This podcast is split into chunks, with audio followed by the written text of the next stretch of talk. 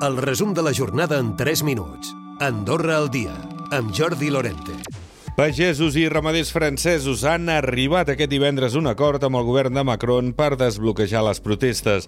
D'aquesta manera s'anul·laven les mobilitzacions previstes durant tot el cap de setmana, per tant, tranquil·litat al pas de la casa.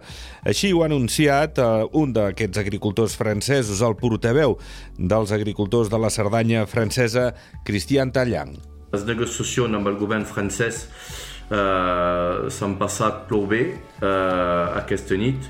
Llavors, uh, i aquest matí uh, hem tingut confirmació. Llavors, uh, no pujarem pas a bloquejar pel pas de la casa uh, i ens donen una ajuda d'un milió d'euros pel pagès que han estat uh, uh, molt impactat per la sequera. La CAS ha pagat per error un milió i mig d'euros de més els últims 3 anys a les persones que cobraven una pensió d'invalidesa del grup 1. Són aquestes pensions de les persones que poden seguir treballant. La raó ha estat la manca de controls mensuals automàtics que ara s'implementaran. El director general de la CAS és Josep Escoriza. La persona, teòricament, es queda sense drets de salut i per això que no, no els deixarem que es quedin sense drets de salut perquè estan per sota salari i per descomptat, o sigui, aquestes persones ja farem lo necessari que per això estan les organitzacions com la CAS i, i Afers Socials perquè, perquè no passi. En 31 dels casos, les persones a què es feia referència Josep Escoriza es quedarien per sota del salari mínim i en aquest cas intervindrà Afers Socials. I els habitants de la Seu d'Urgell han de destinar la meitat del sou a pagar lloguer.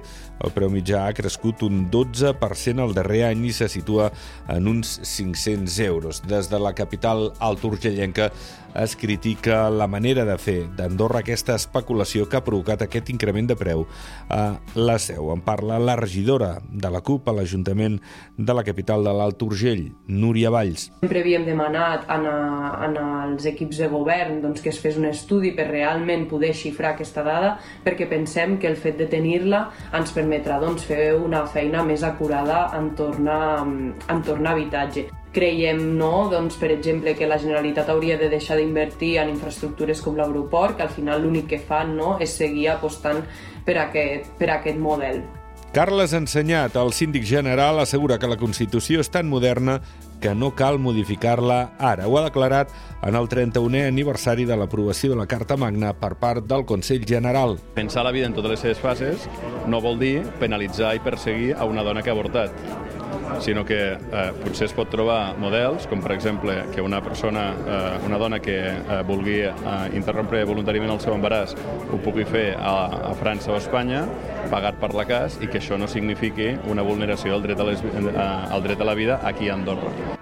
A Sant que ha iniciat una campanya per demanar suport econòmic a empreses per ampliar el personal de l'entitat. Segons el seu president, l'objectiu és recaptar 90.000 euros. Recupera el resum de la jornada cada dia a AndorraDifusió.d i a les plataformes de podcast.